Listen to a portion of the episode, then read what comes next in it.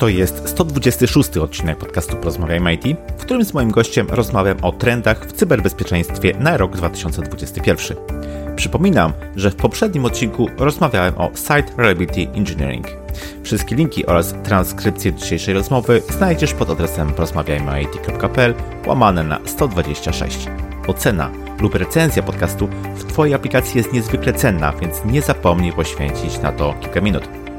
Ja się nazywam Krzysztof Kępiński, a moją misją jest poszerzanie horyzontów ludzi z branży IT. Środkiem do tego jest m.in. ten podcast. Zostając patronem na platformie Patronite możesz mi w tym pomóc już dziś. Wejdź na porozmawiajmyit.pl łamany na wspieram i sprawdź szczegóły. Jednocześnie bardzo dziękuję moim obecnym patronom.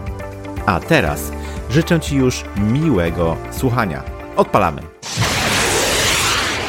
Cześć, mój dzisiejszy gość to Product Development Manager w Sopro Software, związany z backupem danych od ponad 9 lat. Zaczynał od wsparcia technicznego klientów i partnerów, rozwijał aplikację mobilną, a obecnie odpowiada za planowanie i rozwój rozwiązań Sopro. Autor licznych artykułów i wystąpień związanych z bezpieczeństwem. Moim waszym gościem jest Grzegorz Bąk. Cześć Grzegorz, witam cię serdecznie po raz drugi już w podcaście. Tak, tak. Cześć Krzysztofie, witam Państwa bardzo serdecznie i niezmiernie się cieszę, że ponownie mam okazję z Tobą porozmawiać w ramach podcastu.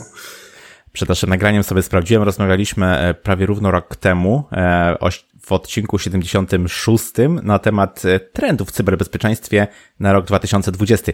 Mamy rok dalej, jesteśmy rok starsi i dzisiaj będę chciał z Tobą porozmawiać, czy coś tam się zmieniło w tych trendach związanych z cyberbezpieczeństwem właśnie na ten bieżący czas, na rok 2021. Co Ty na to?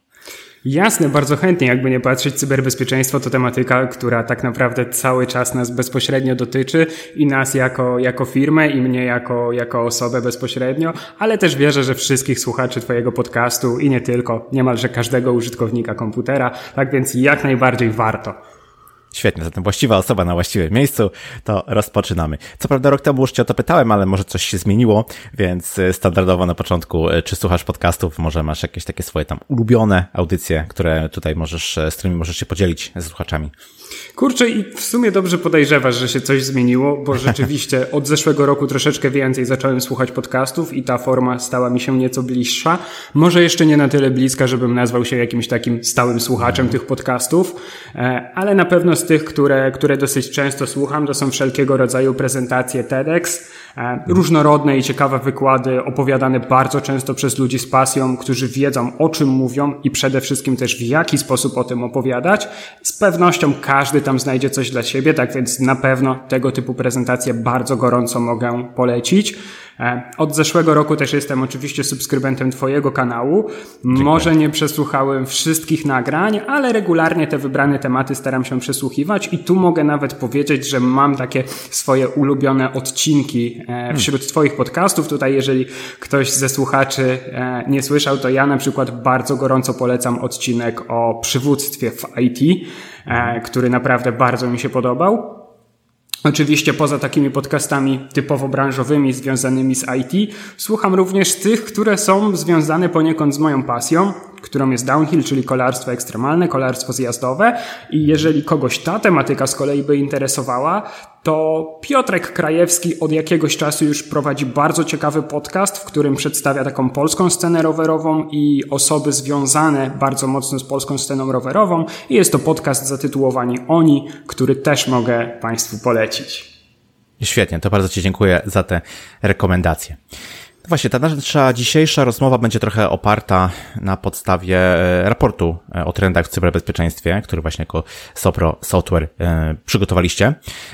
No i tak się zastanawiam, po co takie rzeczy się tworzy, po co takie raporty powstają i dla kogo one są adresowane. Mhm.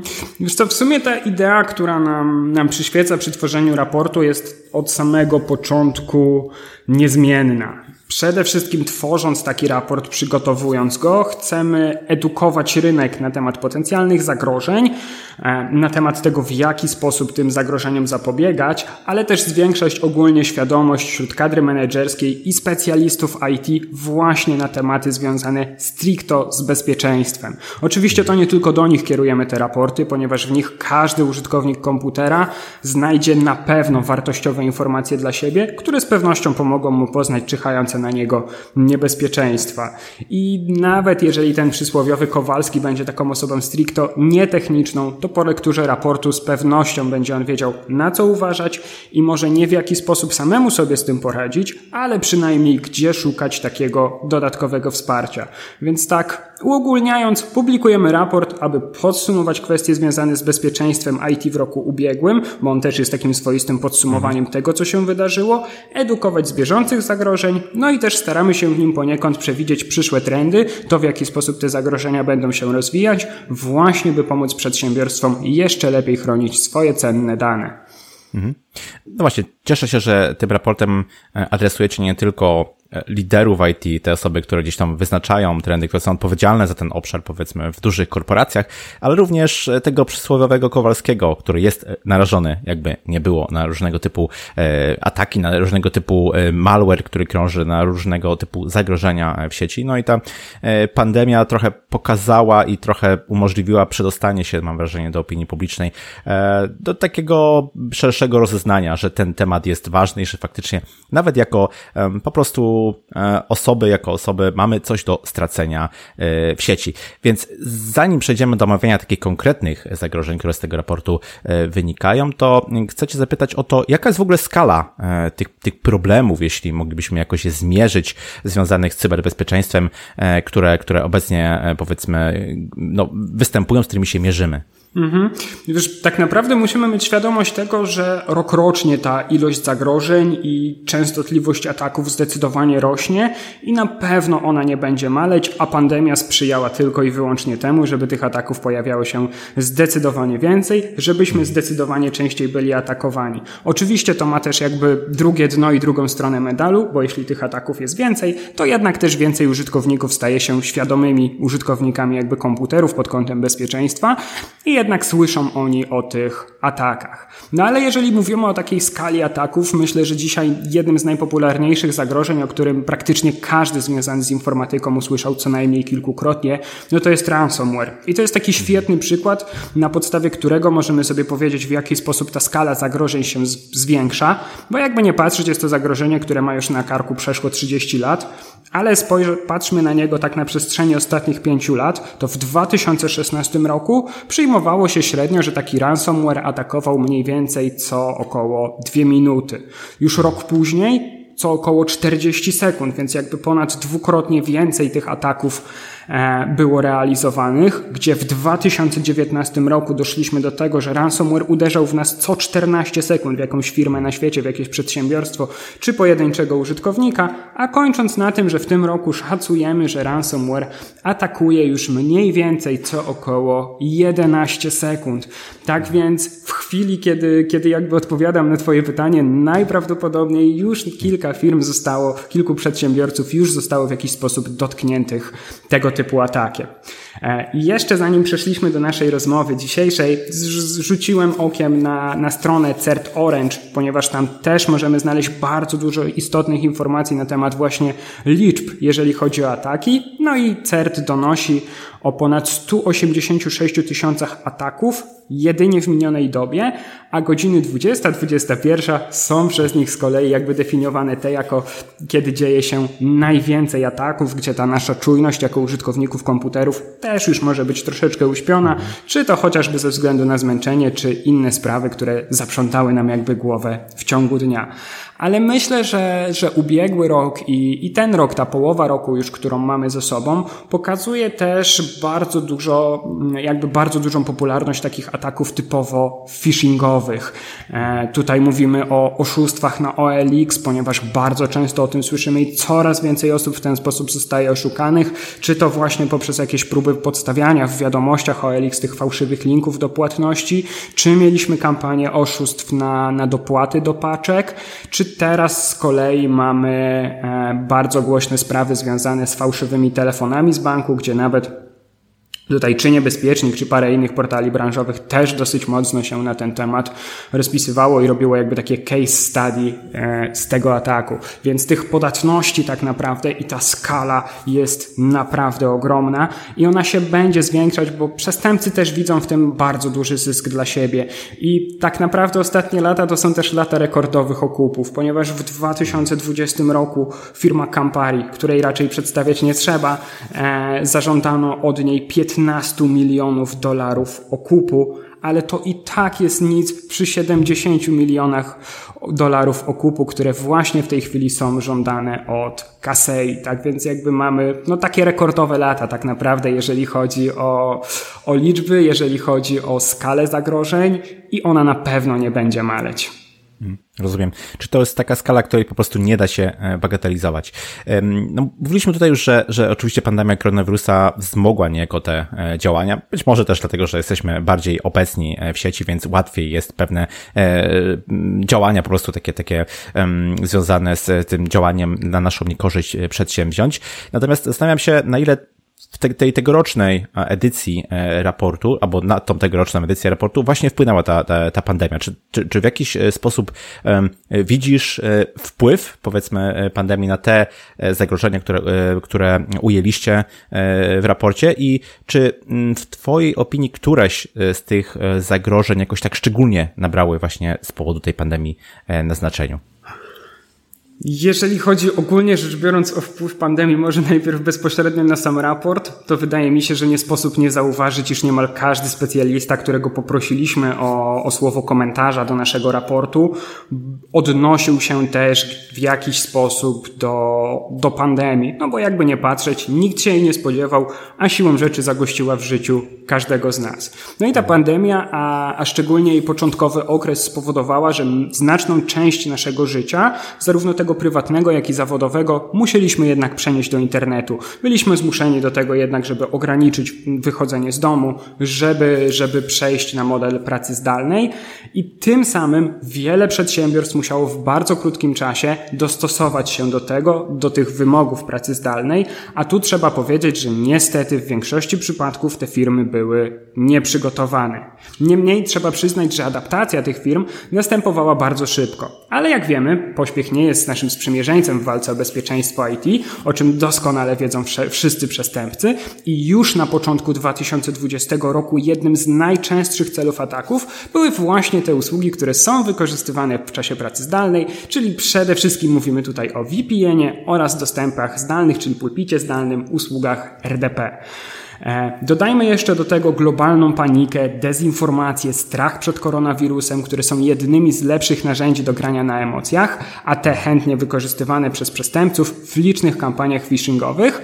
E, a temu wszystkiemu sprzyjał również fakt, że od początku pandemii oczywiście dużo, dużo więcej informacji wymieniamy drogą online. Więc kiedy dostawaliśmy jakąś wiadomość związaną z koronawirusem, jakieś ostrzeżenie, alert, cokolwiek, często zanim dobrze zapoznaliśmy się z jej treścią, już klikaliśmy w linki, które tam były wysyłane.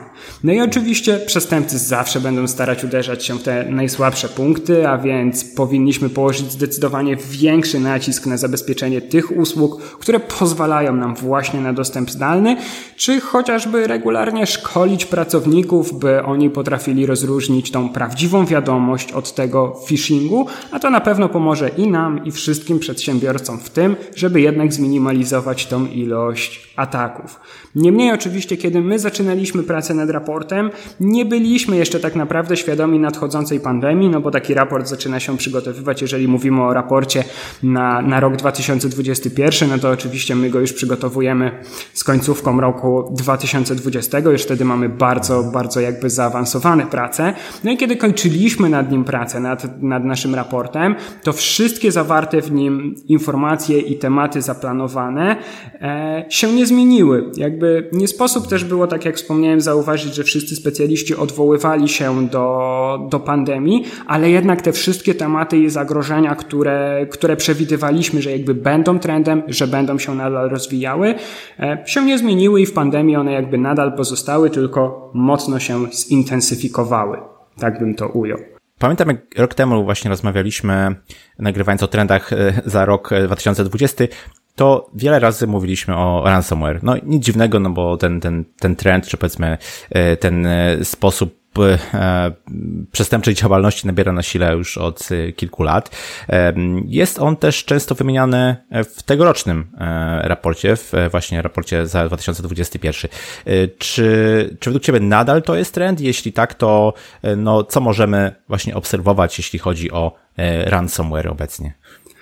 Kurczę, trend to tak trochę negatywnie brzmi w kontekście ransomware, mm. ale niestety tutaj trzeba, trzeba przyznać, że jest to jakimś takim swoistym trendem, jeżeli chodzi o cyberzagrożenia, z którymi musimy się regularnie mierzyć, czy też z którymi, z którymi przedsiębiorcy i nie tylko, bo nawet ten przeciętny przysłowiowy Kowalski musi się mierzyć. Zresztą już w naszej rozmowie nawet kilkukrotnie on został przywołany e, jako, jako te istotne zagrożenia. Tak jak wspominałem, dzisiaj już estymujemy, że co około 11 sekund jakieś przedsiębiorstwo e, zostaje zaatakowane. Natomiast co ciekawe, od wielu lat tak naprawdę sposób, w jaki działa ransomware, czy w ogóle wektory ataku, w jaki sposób ten ransomware się do nas dostaje, one pozostają niezmienne. Niestety praktyka pokazuje, że nadal wiele dużych i małych biznesów nie potrafi się przed tym ransomwarem skutecznie chronić i wciąż padają te rekordowe kwoty opłaconych okupów. I myślę, że to jest taki z trendów, który, który będziemy na pewno obserwować, czyli wzrost żądanych przez przestępców kwot za odszyfrowanie, czy też w sumie za niepublikowanie danych, bo wraz z ransomware e, pojawiła się jakby taka rozszerzony wariant tego ataku, czyli ataki typu leakware, a więc przestępcy nie tylko szyfrują dane swoich ofiar, ale także te dane wykradają. I w ten mhm. sposób zyskują możliwość wywierania presji na swojej ofierze, by ta zapłaciła, za, by ta zapłaciła okup za odszyfrowanie danych, gdyż w przeciwnym wypadku grożą oni udostępnieniem danych. Dotychczas taka ofiara po prostu mogła odtworzyć swoje dane z, z backupu, bo miejmy nadzieję, że większość ofiar miała swój backup i dzięki temu jakby nie mieli konieczności płacenia okupu.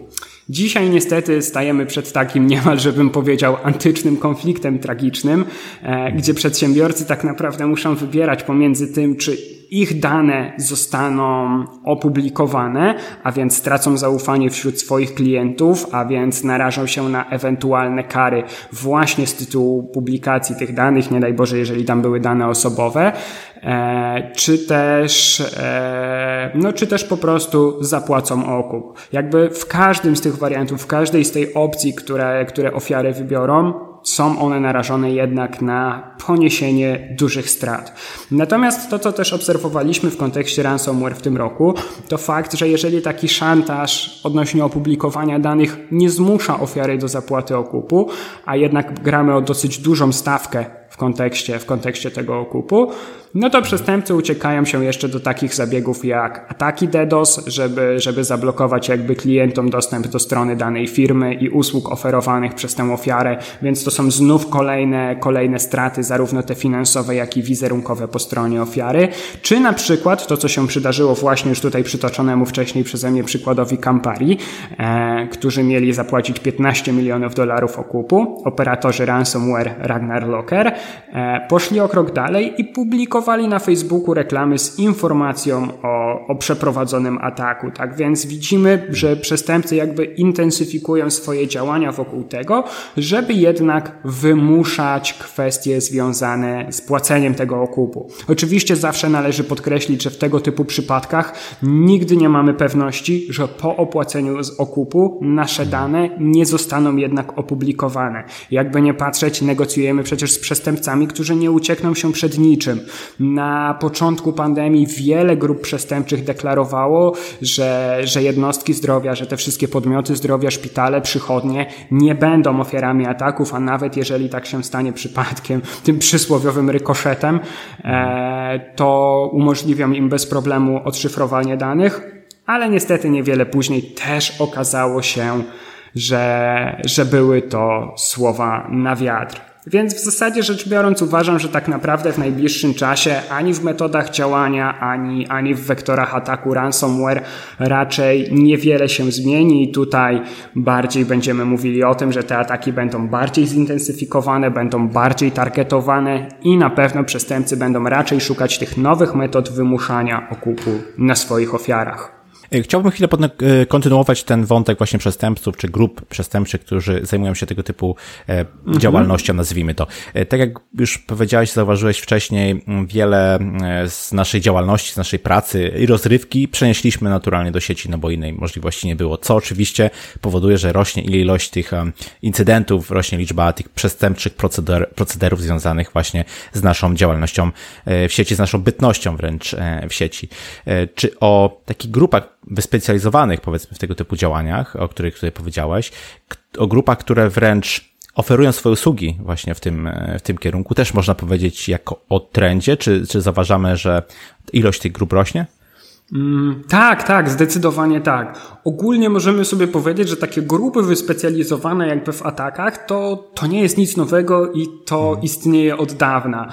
Jakby taka może mała dwuosobowa grupa, ale którą tutaj możemy przytoczyć, może pamiętasz taki polski film Hakerzy z 2002 hmm. roku, to już tak. tam też działali we dwójkę w porozumieniu i, i to nie była taka praca w pojedynkę. Właściwie rzecz biorąc możemy śmiało stwierdzić, że większość tych dużych ataków jest raczej realizowana nie przez pojedyncze osoby, ale właśnie przez pewne grupy zorganizowane.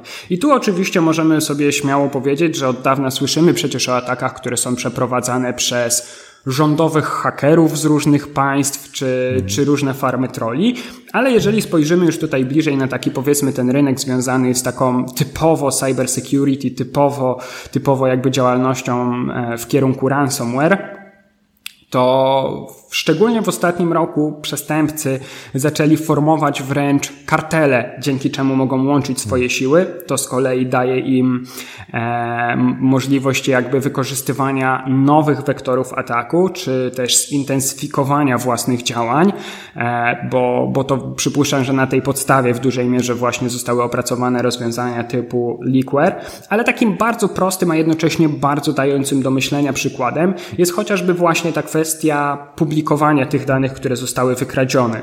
No bo jakby nie patrzeć, kiedy taki przestępca wykradnie te dane, jeżeli chce je w jakiś sposób publikować, to powinien zrobić to w taki sposób, żeby to do kogoś dotarło. Więc w zeszłym roku, na początku roku, były dwie takie strony w internecie dostępne, na których po prostu przestępcy publikowali takie wykradzione dane z ataków, jeżeli ofiara nie płaciła ataku. Na końcu zeszłego roku takich stron było już 17, a więc ta skala pokazuje, że tak naprawdę no, miesięcznie półtorej strony mniej więcej średnio hmm. powstawało, e, a to świadczy tylko i wyłącznie o tym, że ten proceder przybiera na sile. Natomiast jakby tutaj też poruszyłeś taką dosyć ciekawą kwestię, jeżeli chodzi w ogóle o oferowanie swoich usług. Mhm. Bo możemy wręcz mówić o takim trendzie, który już od jakiegoś czasu też istnieje, czym jest ransomware as a service. I jestem przekonany, że niemal każdy z nas, ja, ty, każdy ze słuchaczy naszego, naszej dzisiejszej rozmowy byłby w stanie e, jakby zakupić taką usługę. Mm Pamiętam w 2019 roku miałem, miałem przyjemność uczestniczyć w konferencji ESET Latam. To jest taka konferencja organizowana dla partnerów ESETA w Ameryce Południowej e, i tam właśnie jedna z prelegentek prowadziła prezentację e, Ransomware for Dumps Mniej więcej tego typu tytuł i jakby cała prezentacja była prowadzona właśnie w takiej narracji, że do przeprowadzenia ataku my dzisiaj nie potrzebujemy praktycznie żadnej wiedzy i zaczynało się od wyszukania zwykłego hasła w Google i tak krok po kroku od tego, gdzie można kupić taką usługę, przez to w jaki sposób dostać się do Tora, a kończąc na tym, jak właściwie zakupić i przeprowadzić taki atak. E, wszystko w zasadzie było, jest do dzisiaj podane niemal jak na tacy, wystarczy, że po prostu zaczniemy troszeczkę googlować. Więc z jednej strony to są bardzo skomplikowane niejednokrotnie i bardzo wyspecjalizowane ataki, a z drugiej strony niemal każdy z nas przy odpowiednim oczywiście budżecie jest w stanie taki atak przeprowadzić i mimo, że brzmi to tak prosto, oczywiście ja nikogo do tego nie zachęcam. Oczywiście. E, nie, nie róbcie tego w domu. Dokładnie. tak, e, tak, tak. Takie grupy przestępcze, jako jedna, powiedzmy, z form działalności, no, dosyć mocno angażują się też e, w spam. E, podatność, czy zagrożenie dosyć, dosyć stare duzi gracze powiedzmy próbują sobie e, z tym radzić, ale mam wrażenie, że coraz więcej tego spamu w sieci jest. No i to jest taka trochę otwarta furtka do naszego komputera, do naszych tych cyfrowych zasobów, do naszego konta bankowego. No, wiele tutaj może się złego wydarzyć. Jak myślisz, czy jesteśmy skazani na spam? Tak szczerze mówiąc, to spam był i, i będzie z nami od zawsze. Nawet zanim przenieśliśmy się jeszcze do tego świata elektronicznego, powiedzmy, to ulotki w skrzynce każdy z nas do dziś znajduje i, i to też jest jakaś pewna forma spamu. Oczywiście my tutaj bardziej patrzymy już na ten spam pod kątem, pod kątem takiego typowo, typowo security. Przez spam też często rozumiemy i widzimy ataki takie, takie stricto phishingowe. E, dawniej, na początku, jeżeli, jeżeli spojrzymy sobie na te pierwsze kampanie spamowe, te jeszcze tam sprzed, sprzed ładnych kilku lat, no to w zasadzie rzecz biorąc strasznie ciężko się było na to nabrać, bo, bo to były wiadomości wysyłane do bardzo szerokiego grona odbiorców i trafiały może do, do procenta, a może do promila tych odbiorców swoim przekazem, bo czasami albo po prostu były dostarczane w niewłaściwym języku, albo była to bardzo połamana polszczyzna, albo po prostu zawierały fakty, w które nikt z nas niemalże nie nie był w stanie uwierzyć, bo one nie dzieją się w naszych realiach. Ale jeżeli już docierała ta wiadomość do kogoś innego, dla kogo albo język tej wiadomości, albo właśnie pewne fakty e, odzwierciedlały realia, w których ta osoba żyje, się znajduje, to jak najbardziej wtedy byliśmy podatni na taki spam. E, te osoby w sensie. Ale jednak większość, czyli, czyli pozostali, no takiego spamu już unikali. Natomiast to, co obserwujemy już od ładnych kilku lat, to to, że te ataki stają się targetowane. One są kierunkowane na konkretny cel, konkretne przedsiębiorstwo, a nawet konkretną osobę. One nie są już wysyłane na tak masową skalę, jak były do tej pory, a więc dzięki czemu e, mają dużo większą skuteczność. Jednak dużo więcej osób jest w stanie otworzyć taką wiadomość, która, która jakby jest adresowana bezpośrednio do niej, która może nawet zawiera pewne fakty na temat danej osoby. E, I w ten sposób, w ten sposób jakby taki spam do nas dociera. Pandemia natomiast też bardzo mocno mm, zwiększyła ilość tego typu wiadomości, tych niechcianych, ale jednocześnie też sprawiła, że dużo więcej tych wiadomości i dużo więcej tych ataków phishingowych przede wszystkim było przeprowadzanych sukcesywnie, ponieważ w tym przypadku przestępcy grali na naszych emocjach. Jeżeli dostawaliśmy wiadomość o tym, że możemy się szybko zapisać na zrealizowanie jakiegoś testu antygenowego czy jakiegokolwiek innego, jeszcze w szczególności na samym początku pandemii, gdzie panował bardzo duży poziom dezinformacji, informacji, to przypuszczam, że w przypadku takiego phishingu bardzo wiele osób nieświadomie było w stanie podać swoje dane osobowe, po prostu przechodząc na stronę podstawioną przez przestępców. Odpowiedni komunikat, odpowiednie zagranie na emocjach i wtedy też taki spam taki atak jest przeprowadzony skutecznie. Natomiast jako, że pytałeś, czy jesteśmy skazani, to odpowiadając na Twoje pytanie, ja w sumie uważam, że tak nie do końca jesteśmy jednak skazani na ten spam. Bo dzisiaj praktycznie każdy z nas posiada konto mailowe u dużego gracza. Na pewno w większości przypadków te prywatne konta mamy w Google, mamy, mamy w Microsoftie, jak jesteśmy politykami, to w WP ewentualnie. Mhm.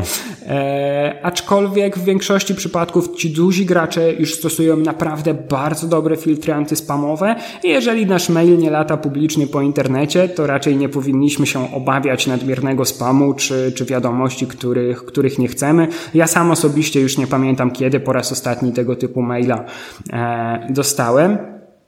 Coraz rzadziej z drugiej strony też się wykorzystuje te własne serwery SMTP właśnie na rzecz popularnych usług cloudowych, no bo jednak utrzymanie takiego lokalnego serwera SMTP to jest koszt, to jest czas, to jest praca i zazwyczaj rodzi to ze sobą jeszcze dużo, dużo więcej e, problemów. No oczywiście natomiast jeżeli ktoś nie chce korzystać z takiej skrzynki u dużego gracza, to świadomie w pewnym sensie też musi się, musi się godzić na ten spam, chyba że jednak znajdzie, czy też, czy też będzie korzystał z jakiejś usługi innej, mniejszej, posiadającej bardzo dobre filtry antyspamowe. Niemniej niezależnie od tego, gdzie jesteśmy, czy u dużego, czy u małego gracza trzymamy tę naszą skrzynkę pocztową, uważam, że zawsze powinniśmy jakby przeprowadzać, czy to wśród naszego personelu, czy nawet wśród rodziny takie proste i krótkie szkolenia, które, które nas jakby dodatkowo uodpornią na taką, na takie ataki phishingowe, które, które powiedzą nam tak naprawdę, na co w tym wszystkim powinniśmy zwracać uwagę. I tutaj osobiście muszę powiedzieć, że jestem bardzo dumny ze swojej mamy, ponieważ, ponieważ czasami zdarza się jej otrzymać czy to jakiegoś maila, czy nawet SMS-a, bo oczywiście to też jest forma jakby, w której, w której dzieją się dzisiaj te ataki phishingowe. I jeżeli tylko jest cokolwiek podejrzanego, to pierwszą osobą, która się o tym dowiaduje jestem ja, mama nie klika w linki, wysyła do mnie i dopiero jak ja weryfikuje, że można, to wtedy dopiero działamy dalej i jakby każdemu polecam tę formę współpracy ze swoimi rodzicami, którzy mogą być osobami nieco mniej technicznymi, a jednocześnie mogą być właśnie ofiarami ataków. Powiało trochę optymizmem, bardzo dobrze, tego się trzymajmy za tym. Y, Chciałbym Cię zapytać o Internet of Things, bo to jest taka, taki trend technologiczny, który już od powiedzmy no, wielu lat co roku jest wymieniany jako jeden z głównych trendów technologicznych, ale z tym się też wiąże e, różnego typu, czy też szeroki wachlarz powiedzmy cyberzagrożeń. Czy według Ciebie mm, to jest nowy, czy też już dobrze znany wektor ataku mm, poprzez właśnie e, IoT i czy takie E, rozwiązania, czy takie technologie, na przykład jak 5G, jak to, że przybywa na tych, na tych urządzeń, którymi się otaczamy wręcz w naszych domach, w naszych e, mieszkaniach, czy to tutaj nie działa trochę na niekorzyść?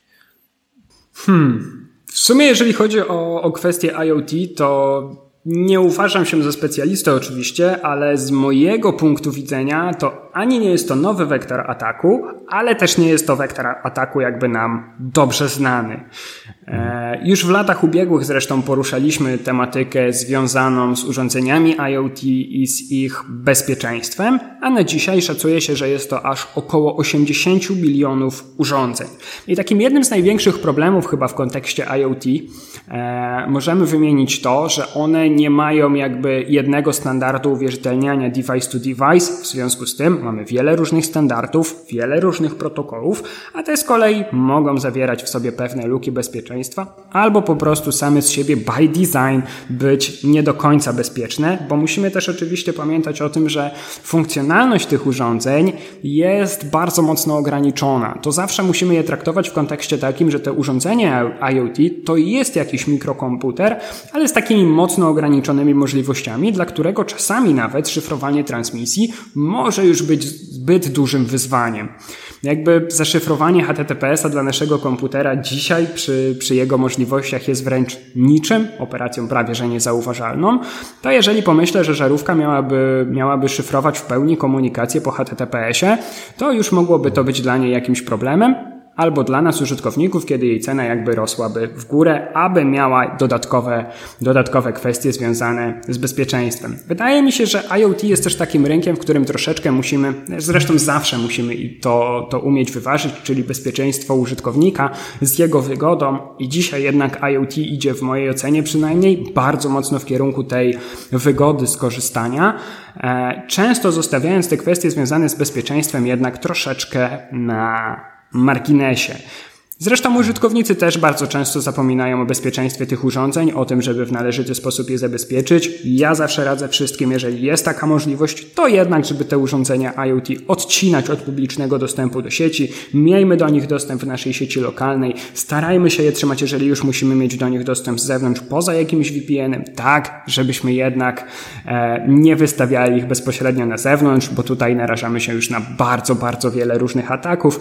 I jeszcze taka zwykła żarówka sama z siebie nam dużej krzywdy nie zrobi, ale jak ktoś przez taką żarówkę przeskoczy na nasz router i później z tego routera do naszej lokalnej sieci, to już dużo więcej problemów może się nam wydarzyć. Natomiast jeżeli chodzi o 5G, to wraz z popularyzacją sieci 5G szacuje się, że większość urządzeń w sieciach komórkowych e, nie będą stanowić już telefony, ale właśnie urządzenia IoT. Ciężko jest mi osobiście powiedzieć, czy tak bezpośrednio będzie działać to na niekorzyść, ponieważ obecnie już dzisiaj IoT możemy też urządzenia IoT w wielu przypadkach podłączać bezpośrednio do, do sieci mobilnych 3G, 4G i raczej nie powinno to stanowić dla, dla szerokiej jakby gamy tych urządzeń problemu.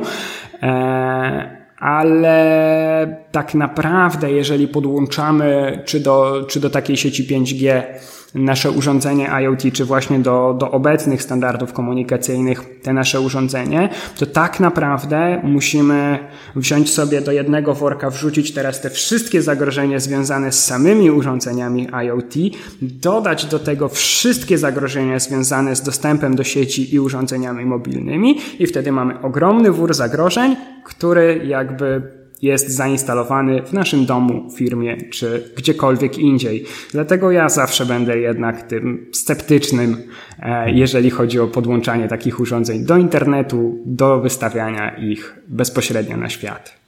Ta pandemia, którą tutaj przywołaliśmy już kilka razy, no kilka rzeczy zablokowała, kilka rzeczy, albo nawet więcej może zatrzymała, ale są też takie e, dziedziny, które jakoś tam przyspieszyły. Myślę tutaj głównie o e, cloudzie, o adopcji e, chmury na przykład w Polsce. W związku z tym chcę Cię zapytać o jakich takich głównych cyberzagrożeniach związanych właśnie z cloud computingiem w 2021 roku możemy mówić i na ile powiedzmy ta dziedzina jest istotna. Mhm. No tak właśnie jak wspomniałeś, jeżeli chodzi o, o, taką, o, o kwestię jakby chmury i migracji, to tutaj na pewno zauważyliśmy przyspieszenie migracji do chmury ze względu na pandemię, ponieważ jednym z bardzo dużych, a wręcz jednym z największych atutów chmury e, jest właśnie jej dostępność. Gdzie byśmy nie byli na świecie, czy siedzimy u siebie w domu, w biurze, czy gdziekolwiek indziej, będziemy mieli dostęp do tych usług chmurowych właśnie za pośrednictwem publicznej sieci internet. E, jeżeli chodzi o, o w ogóle rozmiar takiego rynku, to Gartner e, w 2009 roku podawał ten rozmiar rynku na około 214 miliardów dolarów, przy czym w przyszłym roku ten rynek ma osiągnąć ponad 330 miliardów dolarów. W związku z tym jakby widzimy, że to jest rynek stale rozwijający się. Zresztą daleko by nie patrzeć, Google Cloud otworzył swój oddział w Polsce. Mhm. Oracle Cloud bardzo intensywnie się rozwija, tak samo jak rośnie popularność rozwiązań Microsoft Azure. Zresztą sam Microsoft też kładzie bardzo duży nacisk na rozwój tych rozwiązań chmurowych, a ja jako ciekawostkę mogę dodać, że my jako Zobro Software już przeszło przeszło 11 lat temu zaczęliśmy naszą przygodę również od rozwiązania do backupu danych w chmurze. Naszym pierwszym produktem była właśnie kopia w chmurze. A przechodząc już bezpośrednio do tych zagrożeń, e, to tak naprawdę w kwestii chmury dobrze zrobiona i dobrze przeprowadzona migracja do chmury e, zazwyczaj daje nam większy poziom bezpieczeństwa niż byśmy te same usługi hostowali bezpośrednio u nas w firmie, w przedsiębiorstwie. E, ze względu na to, że tak naprawdę to, co zawsze powtarzam, nawet jeżeli rozmawiam gdzieś z naszymi partnerami, to to, że tak naprawdę cały koszt utrzymania bezpiecznej infrastruktury, specjalistów, wszelkich innych rozwiązań, które będą nam gwarantować bezpieczeństwo, jest tak naprawdę rozłożony pomiędzy wszystkich klientów chmury, dzięki czemu jej dostawca jest w stanie zagwarantować nam poniekąd jakby najwyższy poziom tych usług, czyli najwyższy poziom specjalistów. Możemy sobie pozwolić na to, żeby jakby dosta żeby dostawca chmury mógł e, jakby zagwarantować nam pełną dostępność naszych usług właśnie poprzez, poprzez jakby UPS-y, poprzez agregaty prądotwórcze, poprzez zapewnienie wysokiego poziomu fizycznego dostępu, wysokiego poziomu bezpieczeństwa dostępu fizycznego, czyli jakby to wszystko, co dla nas byłoby bardzo kosztowne, jak gdybyśmy chcieli zrobić to lokalnie dla siebie i w pewnym momencie stwierdzilibyśmy, że jest to nieopłacalne.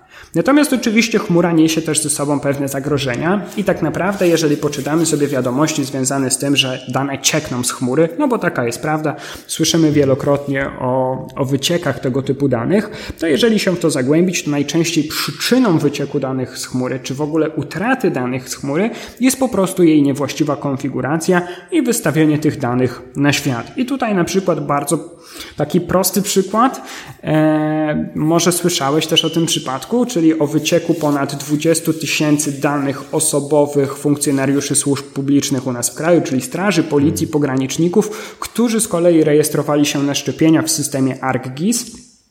No i z tego systemu okazało się, że tam w wyniku błędnej konfiguracji te dane były po prostu publicznie dostępne. E, innymi kwestiami, o których też należy pamiętać, a, a często zapominamy w kontekście chmury, w kontekście jej bezpieczeństwa i dlaczego też możemy tutaj ucierpieć troszeczkę, no to przede wszystkim jest kwestia modelu Shared Responsibility. Większość dostawców rozwiązań chmurowych e, działa w tym modelu, co oznacza, że oni odpowiadają za infrastrukturę, za dostępność tej infrastruktury, ale już niekoniecznie odpowiadają za nasze dane biznesowe, które my w tej infrastrukturze umieszczamy, czy jakiekolwiek jakiekolwiek inne dane, które my już jakby bezpośrednio tam przechowujemy. Dlatego bardzo istotne z punktu widzenia użytkownika rozwiązań chmurowych jest to, żeby właśnie tego typu dane też dodatkowo zabezpieczać. To, że coś jest w chmurze, to nie oznacza, że to nie zniknie, bo jednak, jak zresztą też ten rok nam pokazuje, data center potrafi płonąć. I takie rzeczy się dzieją. E, a według naszych badań, jeżeli już tutaj mówimy o modelu Shared Responsibility, wynika, że aż 71% przedsiębiorców w ogóle nie ma świadomości istnienia tego modelu. A to tak naprawdę dostawca odpowiada tylko i wyłącznie za infrastrukturę, a nie za dane tego przedsiębiorcy i tego typu zapisy są nawet w regulaminach usług. No, tylko niestety często tych usług tych regulaminów nie czytamy. Właśnie. No z takich zagrożeń jeszcze oczywiście dosyć częstych, może nie dosyć częstych, ale takich spotykanych związanych z chmurą, no to są kwestie związane z brakiem dostępności usług i ataki typu DOS, a więc chcemy przejść na naszego maila, na nasze dokumenty w chmurze, ale okazuje się jednak, że taka usługa nie działa i oczywiście takie rzeczy się dzieją. No i powoli spotykany coraz częściej tak zwany cryptojacking, ponieważ, czy, czyli po prostu koparki tak naprawdę uruchamiane bezpośrednio w ramach, w ramach jakby środowisk chmurowych, co, generuje, co może generować duże koszta dla użytkowników, dla klientów takich chmur. E, bardzo często dzieje się to właśnie za pośrednictwem kontenerów Docker, które są już wcześniej zainfekowane po prostu i które zostają uruchomione w środowisku chmurowym, ponieważ to też jest jedna z częściej wykorzystywanych usług. Miałem co prawda e, w planach zapytać Cię o takie dobre praktyki związane z cloud security, ale myślę, że tutaj o wielu już wspomniałeś. wspomniałeś. Czy, czy coś byś chciał jeszcze dodać do, do tego, e, do takich powiedzmy, do tego zestawu dobrych praktyk, które warto by było mieć w głowie, jeśli myślimy o zabezpieczeniu naszych środowisk chmurowych? Tak, tak, zdecydowanie. No tutaj jakby w sumie na razie z takich dobrych praktyk to wspomniałem, wspomniałem przede wszystkim o backupie. Warto oczywiście również wspomnieć o, o kwestiach identity and Access Management, czyli o wszelkich politykach dostępu do naszej chmury. Ja zawsze w podstawie e, przynajmniej użytkownikom chmur, czy, czy w ogóle osobom, z którymi mam przyjemność rozmawiać na temat właśnie bezpieczeństwa chmur, staram się polecać włączenie dwuskładnikowego uwierzytelniania 2FA albo U2F, jeżeli jest taka możliwość oczywiście.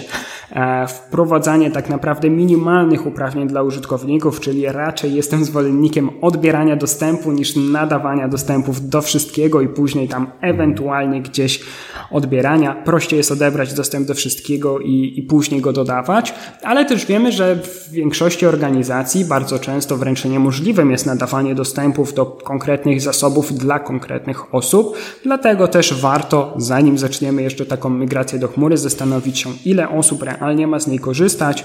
No i oczywiście też E, wtedy stworzyć po prostu w przypadku większej ilości tych osób, stworzyć grupy i zarządzać uprawnieniami za pośrednictwem grup użytkowników, a większość chmur publicznych e, czy prywatnych daje nam taką możliwość.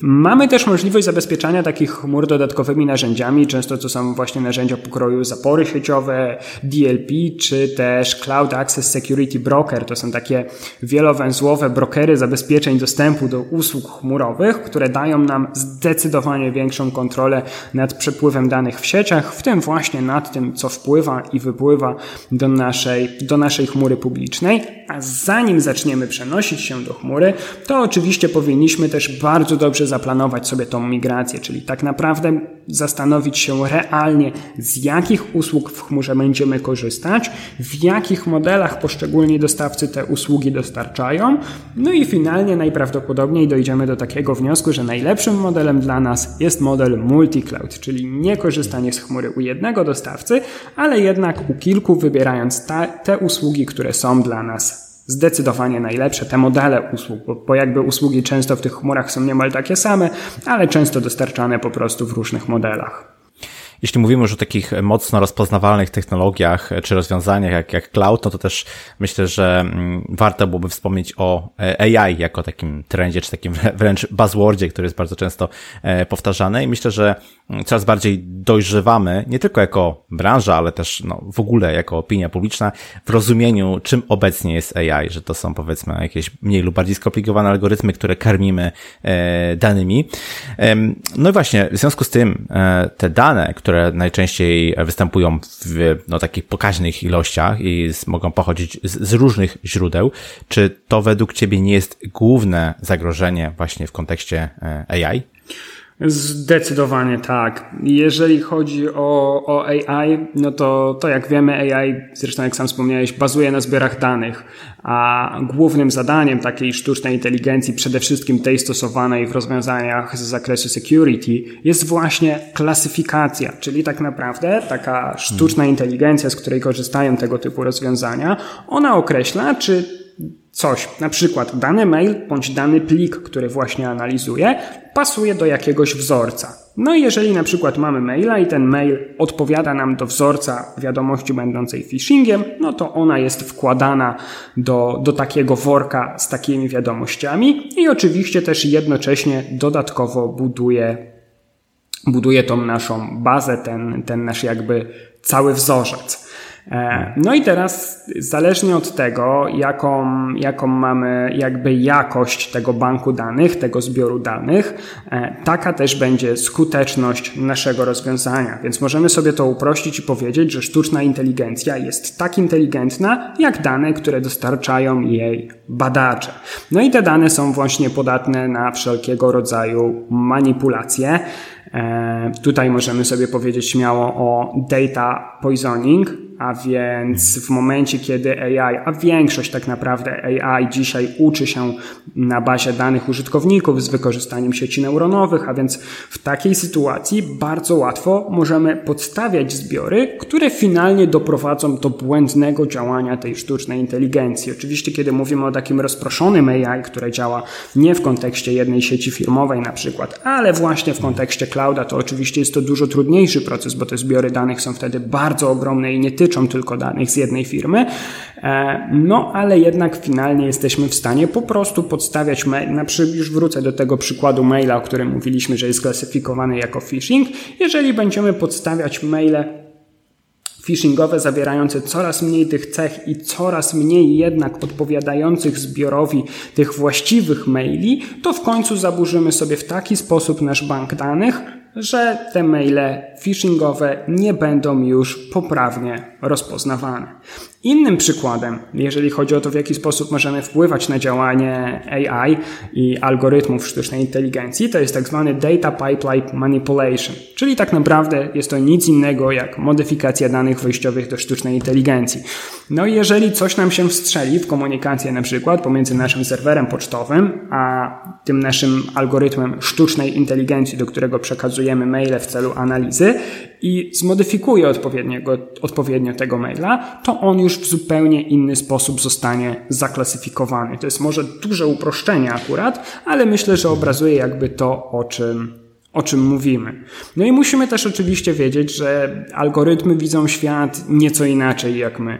A więc jeżeli na przykład mamy sztuczną inteligencję, która właśnie bazuje na jakichś mailach czy na grafice, to jeżeli zmienimy tam dosłownie dwie, trzy linijki w kodzie, którego my nie widzimy, czy właśnie zmienimy grafikę na poziomie kilku pikseli, co dla nas może być niezauważalne, dla algorytmu może spowodować to już tak naprawdę zupełnie inną klasyfikację tego elementu. Mm, wspominałeś kilka razy o backupie, e, no i mieliśmy właśnie w tym, zeszłym roku kilka przykładów, kiedy brak backupu albo brak możliwości odtworzenia danych z backupu wręcz zatrzymywał e, firmy, wręcz pogrążał te firmy. E, w związku z tym chcę Cię zapytać, jaka, jaka jest rola backupu? No i tak gdybyśmy szerzej też spojrzeli na, powiedzmy, disaster recovery, na mapie właśnie tych trendów cyberbezpieczeństwa, które przeanalizowaliście w raporcie. Jeżeli chodzi tak naprawdę o rolę backupu, to ja zawsze zwykłem mawiać, że backup, rozwiązania backupu i disaster recovery to jest dla nas takie koło ratunkowe, jeżeli chodzi o kwestie bezpieczeństwa IT, ponieważ backup nas uratuje, jeżeli wszystkie inne rozwiązania z zakresu, które miały nas jakby zabezpieczyć, zawiodą. Jeżeli zawiedzie nas firewall, jeżeli zawiedzie nas antywirus, no to w tym miejscu tak naprawdę jedyną deską ratunku i naszym kołem ratunkowym właśnie pozostaje backup i odtwarzanie danych z tego backupu. A więc jeżeli mówilibyśmy jakby bezpośrednio o samej roli backupu, to przede wszystkim ma nam on zagwarantować dostęp do naszych danych, a więc jeżeli coś straciliśmy, zaatakował nas ransomware, o którym dzisiaj też przez cały czas rozmawiamy, no to dzięki backupowi takie dane będziemy w stanie odtworzyć i tutaj oczywiście wielu dużych graczy też odtwarzało swoje dane w tym i w zeszłym roku, chociażby możemy mówić tutaj o, o CD Projekt, który wiemy, że odtwarzał swoje dane z backupu, ale z drugiej strony oczywiście zadaniem rozwiązań do backupu i disaster recovery, o których często nie myślimy wprost, kiedy rozmawiamy o, o zabezpieczeniu, o, o, o rozwiązaniach w ogóle do backupu, to jest zapewnienie ciągłości działania. Bo jednak, jeżeli mamy jakieś krytyczne usługi, od których zależy funkcjonowanie naszego biznesu, no to w momencie, kiedy te usługi przestają działać, nasz biznes też przestaje działać, no i zaczynamy zamiast zysków generować straty. A dzięki backupowi i rozwiązaniom disaster recovery w przypadku tego typu awarii, oczywiście w każdej chwili powinniśmy być w stanie kontynuować swoją operacyjność biznesową i dalej świadczyć, realizować usługi. E, jeżeli chodzi o backup, no ten rynek tak naprawdę ja już obserwuję sam osobiście od, od prawie 10 lat. I mogę śmiało powiedzieć, że wraz jakby ogólnie z rozwojem IT rośnie także świadomość użytkowników. Przetwarzamy coraz więcej danych, które mogą zostać stracone i tym samym też mamy coraz większą tego świadomość. Według badań, które przeprowadziliśmy na, na potrzeby e, naszego raportu, wynika, że backup jest tak naprawdę drugim najchętniej wykorzystywanym rozwiązaniem z obszaru IT security i staje się standardem, ponieważ korzysta już dzisiaj z niego prawie 90% ankietowanych i plasuje się tuż za antywirusem i oprogramowaniem anti-malware, gdzie mamy prawie 95% ankietowanych. I ja pamiętam, kiedy my kiedy, kiedy jakby 10 lat temu wypuszczaliśmy na rynek nasze pierwsze rozwiązanie do backupu i później jeszcze od tego momentu przez wiele, wiele lat, kiedy rozmawialiśmy e, z, z różnymi przedsiębiorcami, z naszymi potencjalnymi klientami, bardzo często na hasło backup słyszało się odpowiedź, ale, ale na co to komu? Ja, ja nigdy nie straciłem przecież danych, ja, ja tego nie potrzebuję, a, a dzisiaj jakby ta rozmowa wygląda już zupełnie inaczej, to raczej nie rozmawiamy o tym, dlaczego ktoś potrzebuje backup, tylko jakby z naszego punktu jako dostawcy rozmawiamy, dlaczego ktoś potrzebuje akurat nasz backup. No i jeśli jeszcze tak mówimy o liczbach, to możemy też sobie śmiało powiedzieć, że to też jest całkiem spory rynek, który się rozwija i w 2022 roku wartość tego rynku wyniesie ponad 11 miliardów dolarów. No to faktycznie e, całkiem spora liczbę. Mm, a na ile, tak w Twojej opinii, w Twojej ocenie i z Twojej obserwacji wynika, że tego typu zapotrzebowanie, w sensie zapotrzebowanie na, na backup, na disaster recovery, mm, to są rozwiązania, które buduje się powiedzmy w firmie, prawda? W, tak, tak jak gdyby wewnętrznie, a na ile obecnie chmura, czy takie specjalizowane SASy e, przejmują trochę ten ciężar i właśnie e, realizują tego typu usługi? To jest taki dosyć ciekawy temat, bo w zasadzie my nawet jako producent zaczynaliśmy od, od rozwiązań typu typowo dostępnych w chmurze, trochę nawet wyprzedziliśmy rynek, byliśmy przed Dropboxem, e, to jednak tak naprawdę najdłużej na rynku dominowały rozwiązania takie typu, typowo on-premise, czyli właśnie te rozwiązania, które są budowane, instalowalne bezpośrednio w ramach, w ramach infrastruktury danego przedsiębiorstwa, dane siedzą bezpośrednio w przedsiębiorstwie i, i gdzieś tam raczej na zewnątrz za bardzo nie wychodzą. Wraz ze wzrostem rozwiązań chmurowych, przede wszystkim rozwiązań storage'owych, jeżeli chodzi właśnie o możliwości przechowywania danych w chmurze i z drugiej strony ze wzrostem świadomości bezpieczeństwa danych i istoty tych danych wśród, wśród przedsiębiorców zaczęły się bardzo mocno rozwijać rozwiązania hybrydowe. No i wydaje mi się dzisiaj, że to jest taki zarazem najpopularniejszy i najlepszy model, jeżeli chodzi o backup, czyli jakby usługę, samo rozwiązanie bezpośrednio, jego część taka zarządzająca może być hostowana albo lokalnie w infrastrukturze użytkownika, albo też bezpośrednio w chmurze, ale z tym bezpośrednim hostowaniem w chmurze jeszcze rzadziej się spotykamy. To natomiast jeżeli chodzi o przechowywanie danych, to już około 43% ankietowanych przez nas e, mówi, że przechowują właśnie dane zarówno lokalnie, jak i w chmurze i często jeszcze w dodatkowej lokalizacji, dzięki czemu realizują tę regułę w backupie 3.2.1, trzy różne kopie e, w dwie różne lokalizacje, jedna poza siedzibą firmy.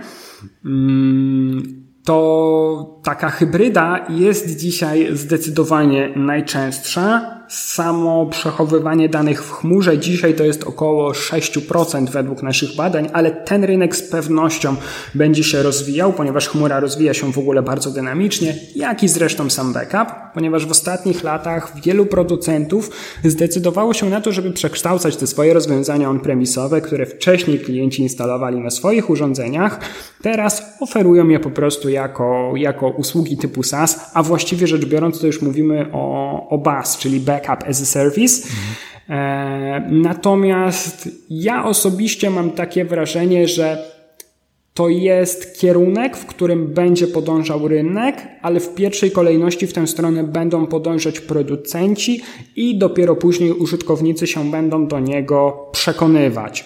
Wydaje mi się, że dzisiaj jeszcze przez długi czas będą dominować te usługi instalowalne bezpośrednio w środowiskach, w środowiskach użytkowników, bezpośrednio w firmach. Jeszcze chyba na tyle też tak bardzo nie ufamy chmurze, żeby rzeczywiście wszystko, a tym bardziej backup przenieść do chmury, no bo jakby nie patrzeć w takiej sytuacji liczymy się z tym, że jeżeli coś się stanie u tego dostawcy chmurowego i tam będą tylko nasze usługi związane z backupem, to automatycznie też tracimy dostęp do, do naszych kopii. I zresztą też widzimy to jakby po, po rynku producentów, po wielu producentów z czołówki po dziś dzień udostępnia swoje rozwiązania tylko i wyłącznie jako rozwiązania on-premise, ewentualnie raczej dla zwiększania zasięgów niż, niż dla realnych takich jakby dostarczania tego w modelu basowym czy sasowym po prostu tworzą jeszcze dodatkowo dostępy. Można uruchomić wtedy w, marketplace'ach, czyli można uruchomić takie takie rozwiązanie gdzieś tam w marketplace, czy to właśnie w Microsoft Azure, czy jakimkolwiek innym, ale raczej nie jest to ta zalecana i dedykowana droga przez tego producenta, czyli wtedy to wygląda tak, jakbyśmy rozwiązanie lokalne zainstalowali sobie po prostu na jakiejś maszynce w chmurze i, i w ten sposób to hostowali. E, no, backup ma powiedzmy wieloletnią tradycję, ale jest taki nowy element, który znalazłem w tegorocznym raporcie, który mnie zainteresował e, i tym elementem jest, czy też są security gaps. Opowiedz proszę o tym, o tym problemie, na czym on polega. Jasne. Security gaps w zasadzie takie same w sobie mm, nie są aż tak strasznie nowe. To może jest nowy i świeży termin, ale jednocześnie problem, który jest z nami niemal od samego początku istnienia IT security, bo jakby, żeby przybliżyć, czym jest security gaps, to tak najprościej mówiąc, jest to po prostu brak odpowiednich umiejętności czy, też talentów wśród naszej kadry IT, która odpowiada za bezpieczeństwo. E, skąd to się w ogóle bierze? No tak naprawdę, jeżeli teraz budujemy jakiś zespół odpowiedzialny za bezpieczeństwo IT w ramach naszego przedsiębiorstwa, zatrudniamy do niego ludzi i specjalistów, to oni posiadają wiedzę i kompetencje, które są przez nas wymagane na moment, w którym ich zatrudniamy. Natomiast przez cały czas przestępcy się szkolą, przestępcy opracowują nowe formy ataków, powstaje coraz to więcej zagrożeń i bardzo często już niestety ci pracownicy za tymi, za tymi jakby zagrożeniami, za tymi nowymi formami ataków nie nadążają, gdyż te wymagają szkoleń, gdyż wymagają dalszego podnoszenia kompetencji, a to jest jeden z większych problemów wśród przedsiębiorców, że niestety e, cały czas brakuje tej inwestycji w szkolenia właśnie z zakresu IT, a przede wszystkim z zakresu bezpieczeństwa IT. Do tego wszystkiego jeszcze, jeżeli dołożymy to, że regularnie wdrażane są nowe rozwiązania, e, którymi takie zespoły IT muszą zarządzać, że otrzymują oni ogromną ilość powiadomień z różnego rodzaju oprogramowania raportowego, no to tak, to tak naprawdę rodzi nam to bardzo duży i bardzo realny problem. Szacuje się, że takie zespoły SecOps średnio używają ponad 10 różnych kategorii narzędzi, czyli mówimy tutaj o jakichś firewallach, zabezpieczeniach poczty, antywirusach, EDR-ach i, i tego typu rozwiązaniach, więc to jest naprawdę ogrom różnego oprogramowania, a z badania przeprowadzonego przez Cybrary dowiadujemy się, że 72% respondentów potwierdza fakt, że w ich zespołach właśnie istnieją takie luki w umiejętnościach. Natomiast to, co jest jeszcze bardziej niepokojące, to aż 65% menedżerów jest zdania, że braki w tych umiejętnościach mają negatywny wpływ na skuteczność ich zespołów. No bo nie mając wiedzy, nie jesteśmy w stanie działać i funkcjonować w sposób, w sposób skuteczny. My szacujemy, że w Polsce wygląda to troszeczkę lepiej nawet, przynajmniej tak wynika z badań przeprowadzonych przez nas. Akurat nie mam liczb pod ręką, e, ale mimo to możemy śmiało powiedzieć, że przedsiębiorstwa niestety bardzo niechętnie podchodzą do kwestii szkoleń pracowników i często pracownicy jakby realizują te szkolenia na własną rękę właśnie kształcąc się czy przed, czy, czy po godzinach swojej własnej pracy. Dlatego ten security gaps to jest taki bardzo duży problem w mojej ocenie. Ja też bardzo często staram się przypominać o konieczności tych szkoleń, nawet nie tylko tej kadry takiej związanej stricto z bezpieczeństwem IT, chociaż oni tutaj powinni w tematyce szkoleń być jakby na, na pierwszym miejscu, ale niemalże wszystkich użytkowników komputerów w firmie tak jak tutaj wcześniej rozmawialiśmy, wydaje się, że jako społeczeństwo, jako osoby decydujące o IT w firmach, mamy coraz większą świadomość o zagrożeniach właśnie związanych e, z, e, z, naszym, z naszą bytnością w świecie e, cyfrowym. Z drugiej strony, z racji na taką intensyfikację tej bytności, no mamy coraz więcej do stracenia. E, czy myślisz, że jak się tutaj, miejmy nadzieję, za rok spotkamy i będziemy mówić o kolejnej edycji raportu, to będziemy raczej powtarzać e, te same e, zagrożenia, czy też może pojawią się zupełnie inne, zupełnie nowe?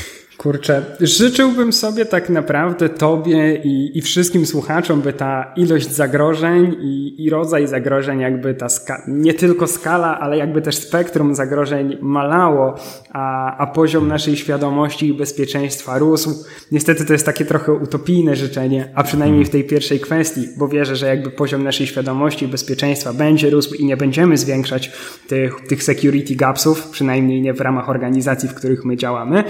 E, Natomiast jak obserwuję ten rynek bezpieczeństwa i, i, pojawiające się zagrożenia, to nasuwa mi się taki jeden wniosek, że cały czas przedsiębiorstwa nie potrafią sobie skutecznie poradzić z obecnymi formami ataków.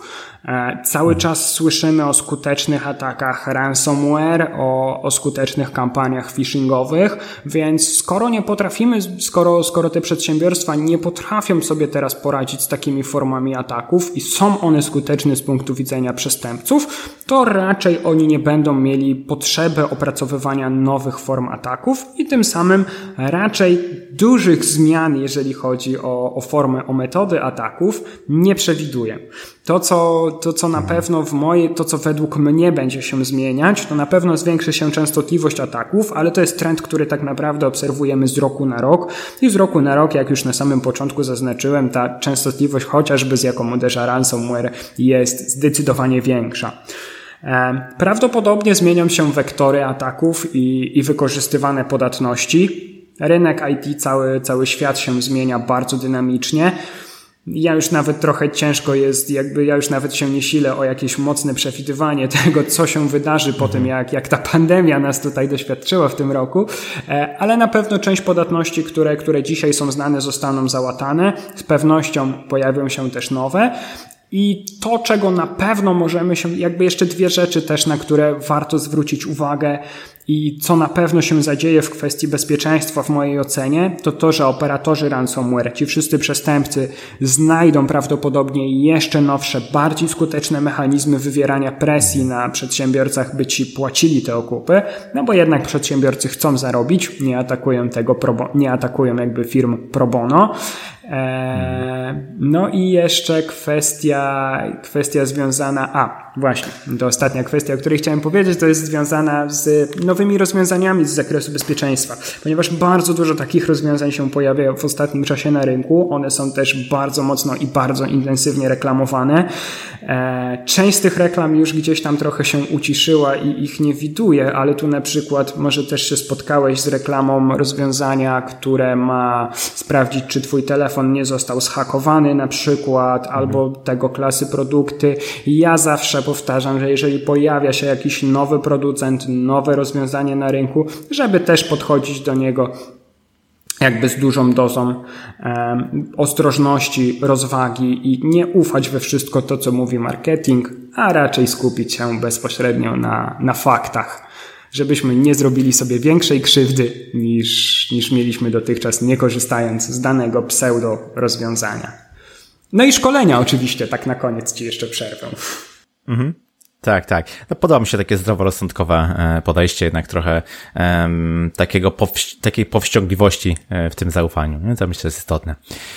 E, świetnie, e, Grzegorz, Ci bardzo e, dziękuję za jak zawsze ciekawą, przede wszystkim bardzo merytoryczną rozmowę. Dziękuję, że po raz kolejny tutaj też uświadomiłeś słuchaczy w kierunku właśnie różnych cyberzagrożeń, które nas czekają. Myślę, że takie, taka podstawowa rzecz, którą możemy robić, to jest właśnie podnoszenie tej świadomości, żebyśmy coraz bardziej przynajmniej zdawali sobie sprawę z tego, co nas potencjalnie może czekać w sieci. Dziękuję Ci bardzo za poświęcony czas i powiedz proszę, gdzie Cię można znaleźć w internecie, jak się z Tobą skontaktować?